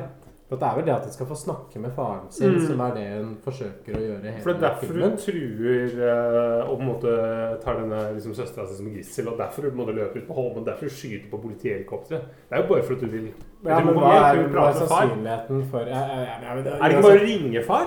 Ja, men han jo jo han gidder ikke å snakke med henne. Men han prater jo med henne på telefon. Det kan, kunne jo hende at, han ville snakke litt mer dersom han ikke hadde stått i den gisselsituasjonen med dattera si liksom, da kunne han ha åpna opp for å møte Ja, for da har han jo andre ting å tenke på. Jeg syns også det er liksom vanskelig å vite om man fremdeles skal ha sympati med henne her. For hun holder jo pistolen, sånn som du sa, Ola, mot tinningen til Cecilie, og så bruker hun den som et sånn menneskelig skjold. Mm. Og i utgangspunktet så er jo ikke det noen sånn sympativekkende ting for en hovedperson å gjøre. Er det sånn. True livet til en sånn elleve år gammel, helt uskyldig jente. Hun har jo ingenting med dette her å gjøre. Så det er, det, som er, det er en sånn krasj her mellom, i tonen. Som du sier, at liksom det pompøse liksom Last Stand-greiene at liksom sånn, ah, hun, Nå når liksom hun TK sin sånn eh, Slutten på sin eh, character arc og sånn. Tragisk endelikt, da. Ja, som liksom, det måtte gå dit, men ja, liksom. Med, samtidig med at liksom hun gjør noe helt sånn fullstendig moralsk forkastelig og forferdelig. Ja, det er, det er veldig sånn overdreven, sånn over grensa til kitsch. Ja. jeg, vil, jeg vil si at jeg faktisk satte litt pris på den avslutningsscenen her. Jeg liksom tenkte på noen sånne der, eh, veldig sånn pulp i sånn amerikansk film som Brian De Palma, liksom, sånn tidlig i karrieren. Han også har noen sånn lignende filmer hvor det bare går så ekstremt langt over det topp. Og samtidig som det er ganske mørkt, samtidig som at filmspråket er veldig euforisk. Så jeg syns den filmen, i hvert fall den sekvensen her, da, fikk litt den samme effekten. At det blir liksom bare så harry og så dumt og så overdrevet at det på en måte blir litt genialt også. liksom. Og det er bare, man bare si sånn Yes, kult at du går for dette her. At det tar liksom bare gasser på liksom, kjører liksom, den bilen rett utenfor stupet. det er liksom pris på. du- det eneste mangler- over da, til sist. Men det eneste mangler, er jo bare en av sånne der fyr i SWAT-klær med sånn ropert som på en måte sier sånn 'let's go' og liksom bare uh, et, et eller annet sånt dumt. Slipp, gjetta. Slipp gjetta. ja, Men vi har- Dette er politisjefen i Oslo! vi har noe nesten der, og vi har et nærbilde av en sånn sniper. Og det er en sånn continuity area der. Fordi at Vi ser sånn nærbilde at han setter fingeren på avtrekkeren, og så tar han av igjen, så er han sånn Nei, nei, vi vil la han leve. Og så ser, ser vi liksom at de roper fram og tilbake igjen, og så ser vi tilbake. Og da plutselig har han på seg en hanske på den fingeren. Hæ? Ja, det første klippet. Dårlig skript. Dårlig, nei, det er dårlig klippa. klippa. Ja. De har spilt inn av to forskjellige versjoner, og så har de liksom ikke tenkt på de klippene etterpå. Jeg tenker det er Script Girl burde liksom sagt fra at du må jo på en måte ikke ha hanske på. Du, Tom Runar. Du må ikke du må... Tror ikke scriptgirl er betegnelsen å bruke Kan jeg forklare det for lytteren, eller hva scriptgirl er? For det, det er jo liksom morsomt, egentlig. Ja. Skript er jo de som fikser kontinuitet på film, som unngår liksom at det blir som at hanska plutselig er av og så er på. Og da er liksom skriftpersonen er den som sitter og noterer ned alle detaljene i scenen og tar liksom fotografier som passer på at ting blir likt. da. Hvis jeg kan si det sånn på en måte at folk uh, uten uh, åtte år med utdanning skjønner det, så kan du si at det er på en måte litt sånn at hvis du har uh, hvis, hvis, det, hvis det er en person som har et, liksom en, en bandasje da, på den ene hånda, på høyre hånd, så må vi passe på at i neste scene, når du måte har skifta og tatt på seg nye klær igjen, og på en måte du har skifta igjen, at du ikke har den på venstre. Ja, men, men også, også, mellom, også mellom bilder, Stefan. For det hender jo iblant at hvis man filmer en scene som er liksom komplisert, så kan det jo være at den scenen må spilles inn over flere dager. Og da må jo skuespillerne hjem, ikke sant? og de skal ta på seg andre klær, så kommer de tilbake igjen. Og da har du skriptpersonen som da passer på at de har nøyaktig samme klær, og at disse blodflekkene er på samme sted. Så hvis du har- forsikre, eller at også salt- og pepperbøssene står på samme sted på bordet. Ja, eller hvis du har en kul eh. Nike-jakke, så går du i den neste gang du blir filmet også. Ikke Adidas, liksom. Nei. Det her er åpenbart noe som er- pan, hva var det? Pentagon, hva var det det greiene heter som folk går Pantagon? Pentagon? Nei, ja, det var- Pentagon. Pentagon. Her er åpenbart i hvert fall Script Girl sovet på jobb. Ja, men, at, men det, eh, det, det, det var poenget med å ta opp dette her. Fordi før i tiden så var den uh, yrkestittelen der kjønna at man kalte det for script girl. For det var sånn innforstått at dette her var en kvinneoppgave. I dag heter det det script hen. Ja, og det, det, det var jo sånn der ofte i den tiden hvor det ikke jobba noen dame på film i det hele tatt. Men det hadde ofte liksom én kvinne i crewet, og det var da script girl som fikk den ærefulle oppgaven å bare notere ned liksom alt som skjedde, og hvor uh, vinglasset står, og hvor langt man hadde liksom kommet seg ned på røyken uh, før det klippa. Så nå i dag heter vel våre skript, tror jeg. Enkelt og greit. Ja, Var det greit forklart, eller Stefan? Eller trenger man Jeg har så høy utdanning, så jeg må skjønne hva du mener. Jeg skal bare holde kjeft resten av tross, episoden. til tross for min høye utdanning, så har jeg faktisk lært noe nytt i dag. Det her visste jeg bare faktisk ikke. Men eh, inne på det du var inne på i stad, Emil, så eh, spoiler alert, da. TK blir skutt av det SWAT-teamet. Det er en ekstremt sånn stilisert Det er vel litt seigt å komme med spoiler alert i den siste scenen. Det var joken, det var joken Hun blir skutt, da. Hun blir skutt, og da, da ser vi helt, helt tydelig at han sniperen sikter med vilje mot hennes skulder. Da tolker jeg det Ja. som sånn Ja. «Å ja, Vi skal ikke drepe henne. Vi skal unngå å treffe Cecilie. ikke sant? Og så, fly, så skyter han, da. Så flyr hun bakover og lander i vannet. Og da blør hun fra både det ene og andre stedet. Fra munnen, fra øynene. Ja. Eh, altså det- Hun ligger jo med åpne øyne og blunker litt. Men, men, men, må jo, men du må jo ha den der, for må, Han kan ikke skyte henne i huet, for da er hun dødd med en gang. For det som skjer, er at faren kommer bort, og så sier hun liksom sånn Ser du meg nå, pappa? Ser du meg nå? Mens hun liksom sakte dør da og synker ned i vannet. Og da så han henne endelig. Ja, så da, da var det jo avhengig av at sniperen liksom traff henne et annet sted i huet, for da ville hun jo bare vært eh, Da hadde rullegardinen gått ned med en gang. da. Greit nok det, men du blør ikke fra øya hvis du blir skutt i skulderen. Liksom.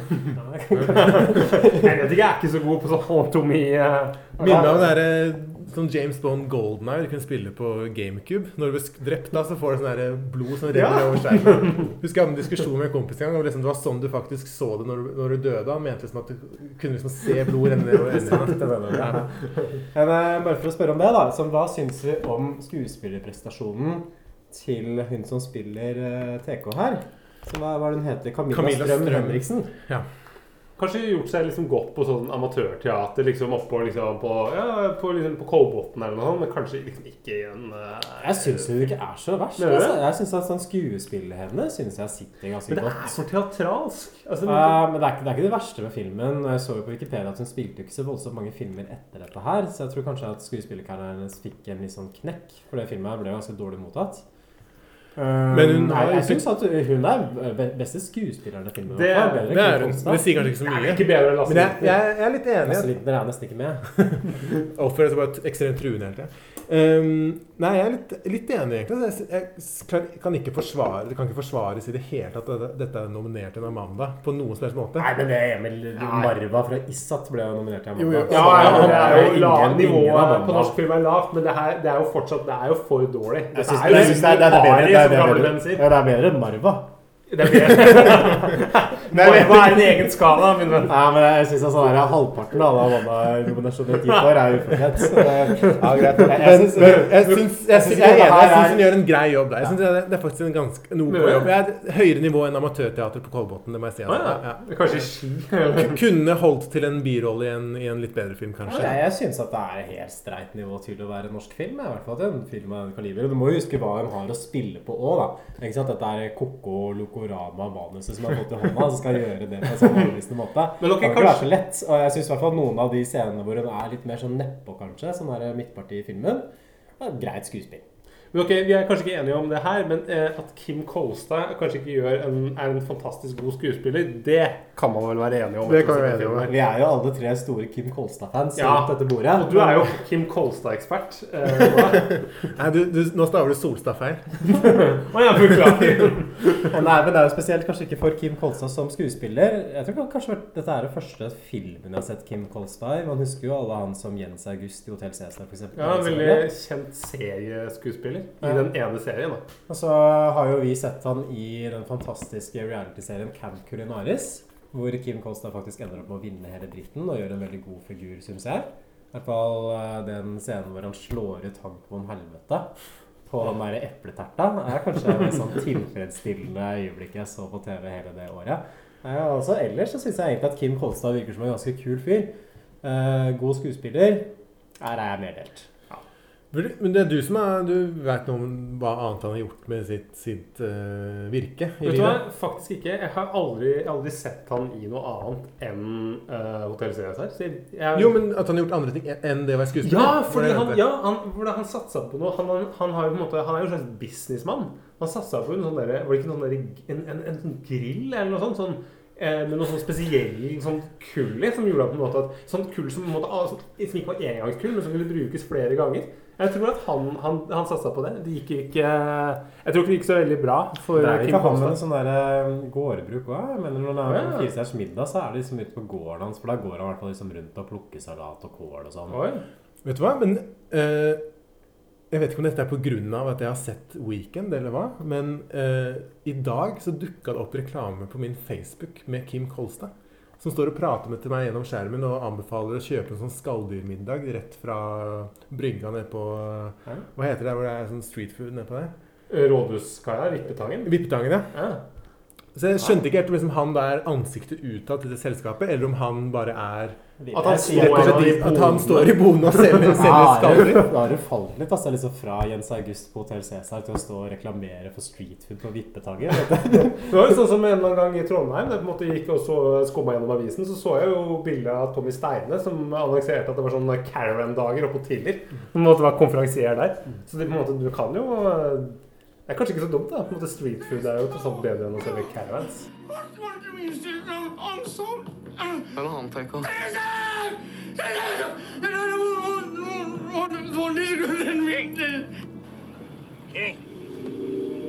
Hey. Hej! Folkeskolen! Prinsen på tanken springer på. King må hjem nå. Må hjem papp, til pappaen sin. Bikkja må hjem til pappa. Skjøt han på deg? Ja.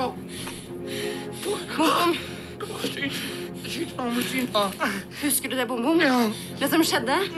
Den gangen? Bom Bom, jeg var der, Bom Bom.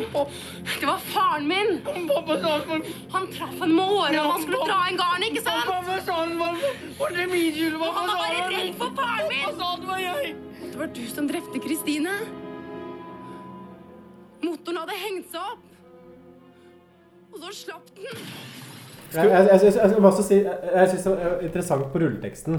For Der står det 'filmen er dedikert til Maria'. Ja. Jeg lurer veldig på liksom, hvem hun Maria er, og hva slags relasjon som har til regissøren. For det er jo liksom lada liksom sånn derre Filmen ja, føles det på et eller annet? Nei, men jeg syns at filmen føles på en måte litt sånn personlig ut òg, på et vis. Hvis du skjønner hva jeg mener? At det er en eller annen sånn erfaring som kanskje ligger bak her, Ja. som regissøren har vært opptatt av å få fram. Og det er Det er så rar film å lage, så hvorfor skulle man lagd dette her ellers? Det er interessant fordi hun der Camilla Strøm Henriksen, var det det? Mm. Nei, jo. Ja.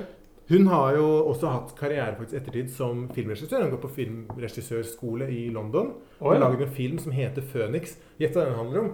Det handler om eh, eh, foreldre som ikke, som, som eh, ikke klarer å ta vare på seg selv eller barna, så barna må ta en omsorgsrolle. Ah. Og dette er selvopplevd fra hennes side. Ja. Uh, så, men uh, hvorfor hun da er dedikert til Maria og ikke til Camilla, kan man jo lure på. Det, altså, hvem er denne Maria? Kanskje søstera til Kanskje det er den tvillingsøstera til Camilla? Som døde i en drukningsulykke utenfor Hvaler. Men hvorfor i huleste man da skal fortelle den historien gjennom en sånn speed freak-plott, det skjønner ikke jeg, da. Nei, For å være litt på lag med ungdommen, tror jeg. Sånn- det, er det er jo kult med dop. Er kanskje at man har tenkt at man må ha en eller annen sånn twist, eller Jeg, jeg føler at det kanskje preger filmen litt sånn gjennomgående, da. At man tenker at grunnhistorien er på en måte ikke interessant nok, så man må liksom legge på dette dop-greiene, og du må legge på Sånn de redneck-karakterene og den der jævla maleren, Mm. og du må legge på disse politimennene som ikke utgjør noe i det hele tatt. Mm. Så det er en litt sånn sviktende selvtillit kanskje i sitt eget narrativ. Ja. For det at- narrativet at man kidnapper liksom halvsøstera si for å komme nærmere faren sin, det er liksom sterkt nok i seg sjøl.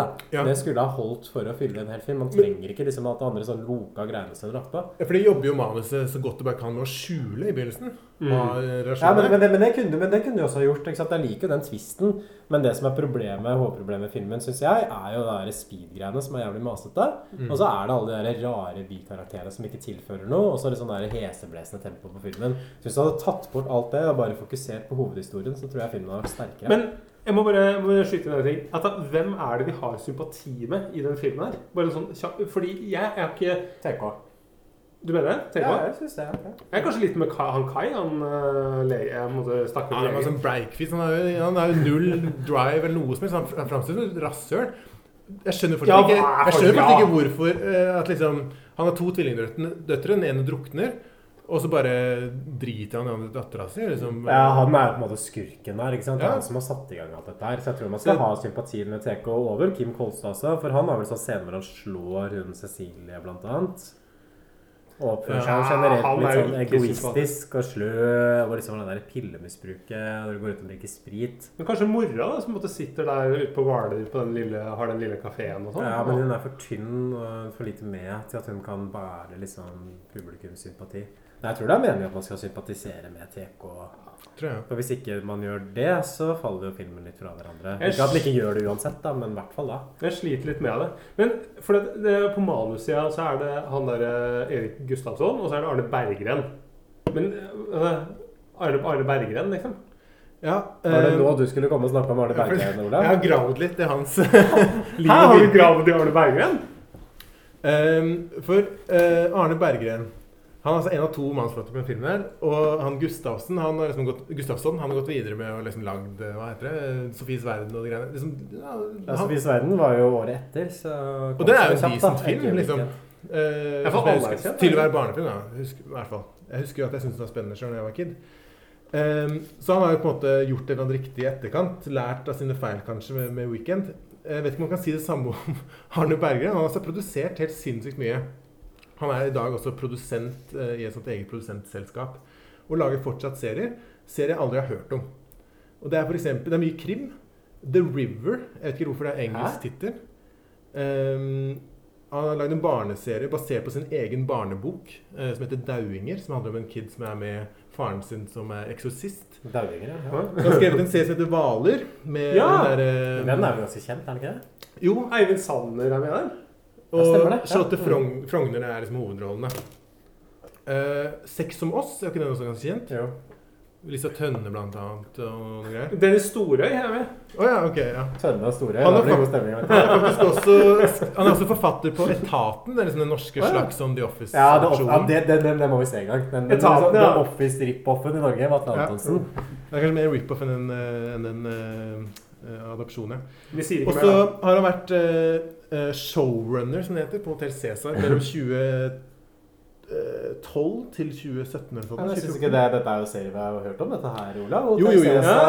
Sex som har vunnet drøssevis med priser i Men norsk hva med. Har dere hørt om Rekyl, eksempel? Rekyl. Rekyl, ja. Det er altså en serie som gikk på TV3, men som måtte ta av skjermen i løpet av første sesong fordi den fikk så dårlig mottakelse. Da. Og som eh, På. TV3. Det er ikke bra nok for TV3. Men det er. Når det terningkastet vi lager for TV3, da er det, da er det dårlig stilt. Uh, og da, altså, Han har skrevet serien, og han har produsert den også selv av Arne Berggren. Da ble han intervjua av Dagbladet. Nå får ikke jeg lest hele saken, for jeg er ikke betaleabonnent. Her har du ikke plussabonnement! Men da sier han til Dagbladet at dette blir en tøff vår for oss alle, og vi har ikke klart å lage den serien med det lille ekstra. Noen ganger bommer han, og så får man bare lære av det. Vi ønsker ikke dette overfor verken kanal eller stab om å spørre oss hva vi kunne gjort annerledes. Men det er ikke sikkert mer tid eller penger hadde vært til hjelp, sier Er ikke det som er, hver er norsk films motto? Så noen ganger bommer man, så må man bare lære av det. Og det er jeg, ikke sikkert at mer penger og mer tid hadde vært til hjelp. Mitt- mitt poeng Det er det- 90 av alle filmene som er lagd i Norge. Når Arne Berggren sier at det er ikke sikkert mer tid eller penger hadde vært til hjelp, så tror jeg at det han egentlig implisitt innrømmer, er at manuset er ræva. Og hvis vi da eh, Det er talentet det står på. Det er talentet står på. Hvis vi, jeg anbefaler å søke opp anmeldelsen av Rekyl, for det er ganske god lesning. Eh, Vi kan bare ta overskriften i Dagbladets anmeldelse, f.eks. Fordi du ikke har plussabonnement? Nei, her har jeg tilgang til hele. Å, ja. Men her er overskrift og ingress lyder som følger. Tok pengene plutselig slutt før manus var ferdig? spørsmålstegn. Eller ble noen akutt redde for at plottet skulle bli for komplisert? Og så er det liksom en sånn gjennomgang at liksom, nei, eh, du, ja, plottet bare går til helvete, da. Dagsavisen sin anmeldelse er også ganske artig. Eh, og eh, skal vi se Rekyr var én ting, ja. Han har også lagd hele to eller tre krimserier lagt i Finnmark. Ja. Outlier, som ikke har en norsk tittel, faktisk. For den er laget på HBO Nordics. Den ligger på HBO Max. da. Kan jo spekulere i hva som er grunnen til at de er satt akkurat i Finnmark, kanskje. En uh, gunstig finansieringsordning. Jeg tipper jo det. igjen hvis du lager noe greier oppi der. Og Catch and Release, som handler om en sportsfisker som blir drept. Det er et interessant premiss. altså, dette ser jeg ikke engang har hørt om. Og anmeldelsene tyder på at det er så ræva. Og Rekyl var så dårlig at det ble tatt av skjermen på TV3. and release. Ja. Altså Så hvordan Arne Berggren kan liksom overleve som manusforfatter på TV og film Det er vel nettopp det at man gjør veldig mye, da. At man liksom tjener kanskje sånn en grei, sånn moderat Ja. sum på hvert prosjekt. Og her er det åpenbart kvantitet over kvalitet som gjelder, da. Jeg liker det litt, jeg. Bare kjør Ja, på. jeg Liksom. Bare gjør greia di, player. Bare Og så er det jo sånn halvgreit mye av det han har laget. Eh, Jeg må jo si at jeg er jo en eh, stor fan av Arne Berggren, For jeg leste jo Han, han ga ut noen barnebøker på 90-tallet om en karakter som het Aldo Monrad. Som Ola beskrev så fint som en fyr som bare sitter hjemme og runker og ser på Nietzsche. Eller leser Nietzsche. Leser Nietzsche, kanskje, For det er jo ikke filmer, eh, dessverre. Men, men i alle fall, altså, eh, det, det er artig lesning. Og det må jeg bare si eh, Hvis du hører på Arne akkurat nå, må jeg bare si at det er gode bøker, og du må gjerne ta kontakt. Jeg på en måte, vil gjerne ha autografen din. Bare send den til meg. Kanskje du kan lage en sånn spin-off-podkast, Ola, hvor du sitter og går gjennom Arne Bergreds produksjon sånn solo? Skal jeg, men, uh, med Arne, Arne, Med i Arne. studio. Med Arne studio. Kan jeg, bare- kan jeg en liten teaser til den podkasten der i så fall? Jeg bare nevne én ting til han har gjort på 90-tallet. Sammen med Vetle Lid Larsen så lager han en serie som heter 'Halvveis til himmelen'. Som er en slags sånn essay-doku-greie. Med liksom Vetle Lid Larsen heter han. Vetle Lid Larsen sitter i et studio på en sånn barstol og så prater han liksom løst og fast. Det ligger én episode ute på NRK. Eh, Den, er- den handler om TV. Hvor liksom Vetle Lid Larsen sitter og prater om at TV-en den er demokrati, demokratisk. Det er sosialdemokratiet, det. Det handler om det å sitte på sofaen og, og trykke på koseknappen på fjernkontrollen og sånn. Og du skjønner litt hvor tonen ligger. Det er, sånn- det er det det går på. Ja, Det- Demokratiet som slo inn også da Rekyl ble tatt av lufta? Eller? Ja, det må ha vært det, da. Trykka på koseknappen for det. Ja. Nei, Det også er liksom Hvis du er ute etter eh, eh, liksom så dårlig TV at det er bra, så anbefaler jeg å sjekke ut 'Halvveis til himmelen'. Mm. Det er rotete som fy.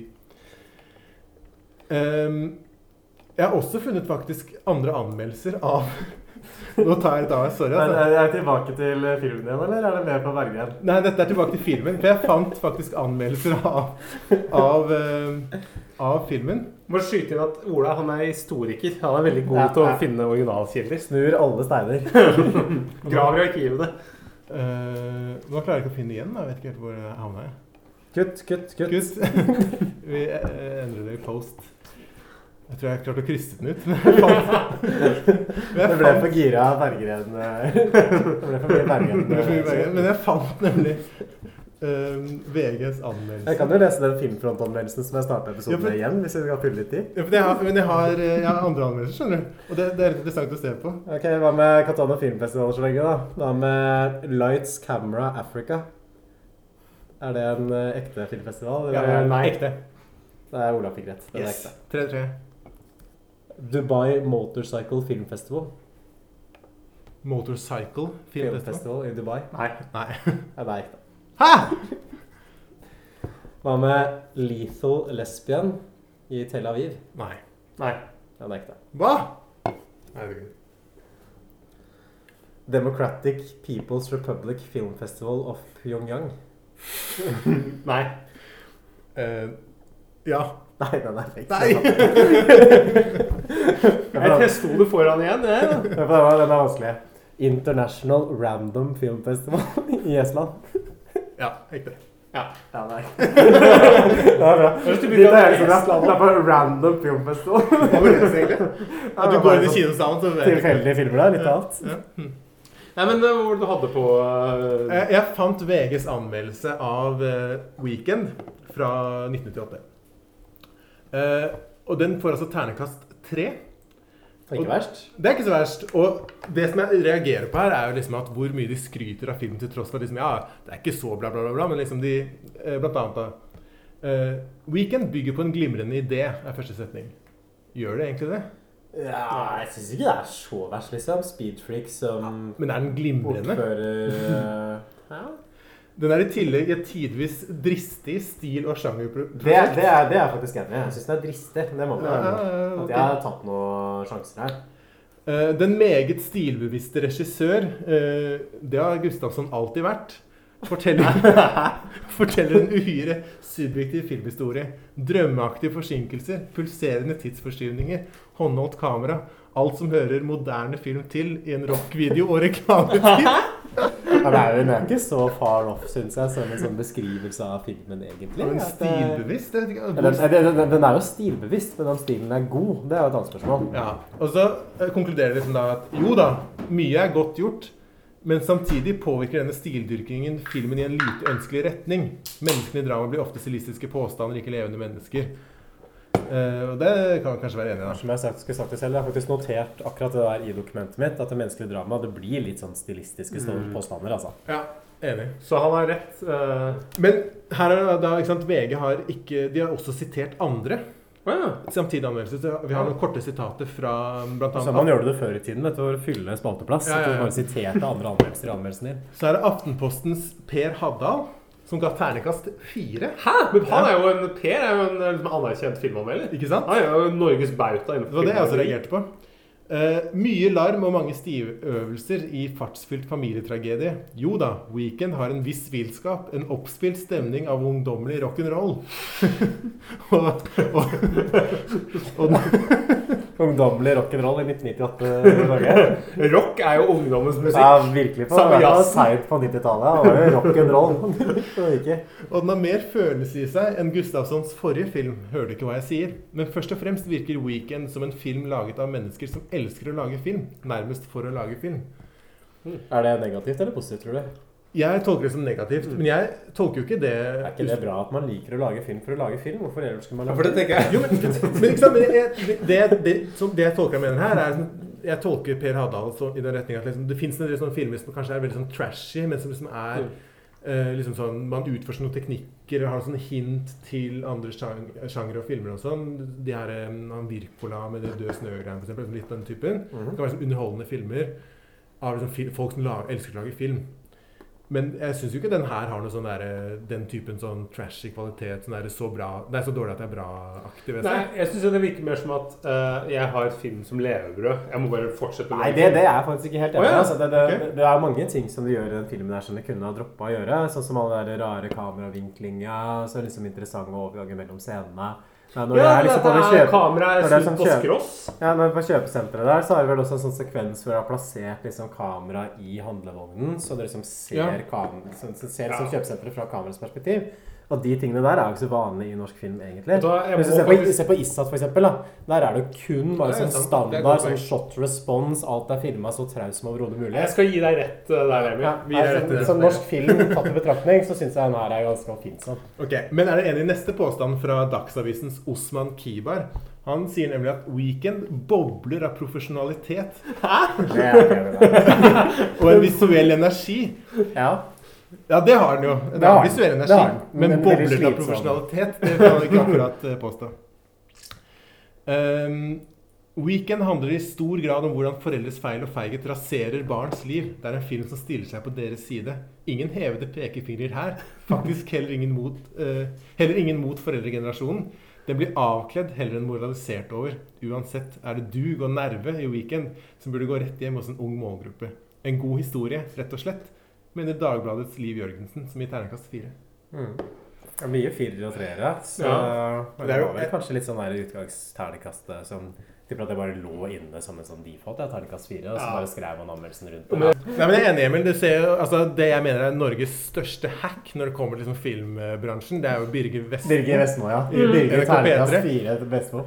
Altså, jeg, jeg tror jeg aldri har sett han gi dårligere terningkast enn terningkast tre. Jeg tror ikke han har gitt det i hele sitt liv. Jeg tror ikke han har gitt to eller én. Det fins ikke liksom ikke på hans skala. Det er mellom tre og seks. Men apropos, det er jo en kjempefin mulighet til å gi terningkast til denne Ja. filmen. Hva mener folk? Hva mener vi? Ja, Ja. hva mener du, Ola? Gjesten starter. Er det lov å gi minus? Nei, det går fra én til seks, ja. Da er det én. da. Da er det én. Jeg er litt delt. Eh, Jeg synes Som en filmopplevelse så er den jo grusom. Men jeg vil si at jeg respekterer på en måte litt den der visuelle oppfinnsomheten også. Eh, Den føles litt sånn personlig ut. Så jeg er kanskje tilbøyelig til å gi litt uh, poeng bare for det. Så sånn Min subjektive opplevelse av filmen er terningkast én, men jeg, for å være hyggelig og for å liksom anerkjenne Det skal at ikke være hyggelig. Nei, men bare for å anerkjenne at her har man faktisk prøvd på et eller annet, da. Og det er mer enn det man kan si for ganske mange andre filmer vi har sett. Så vil jeg gi terningkast tre. Tre? Oi! Oi! Det var sjenerøst. Dette er tross alt podkasten hvor vi ser norsk film med et kritisk, men kjærlig blikk. Nei, jeg får stå for det kjærlige blikket i Ja, I mine øyne var dette vel kjærlig, da. Men, Ja, eh, jeg synes men det er litt- litt jeg for respekterer det. Nei, men, men faen, altså. Men, men det er liksom at man ser liksom at det er, det er, noe, men, men det er noen ideer her, og det er liksom en eller annen nerve, og det er liksom stilistisk oppfinnsomhet. Hvilken nerve da? Nei, At man liksom har valgt å gå for det der jævla heseblesende kjøret på starten. Og lage en film som man vet er slitsom og folk kommer til å slite litt med. At jeg setter pris på det. Det er jo en Istedenfor film å bare som ha bobler av sånn plankekjøring, sånn som Kon-Tiki og liksom Issat og United. Ja, for det er ikke plankekjøring. Nei, men det er sett. Men uh, jeg tenker jo på en måte hvis du skal gape over så mye, så er det på en måte greit at du har en stor kjeft. og det har ikke Erik Gustavsson og Arne Bergen. Så fra meg, uh, terningkast én. Eh, soleklart. Det er så, du så den, jeg holdt på å eh, kjede meg i hjel. Så blir det terningkast fem til sammen, da. det er jo det er, det er jo bra, det. Ja, Norsk og- Film Filmpodcast, terningkast fem til Weekend 1998. Ha det bra. Takk for at dere hørte på. Takk for oss. Skal si ha det bra, du også, Ole. Ha det bra.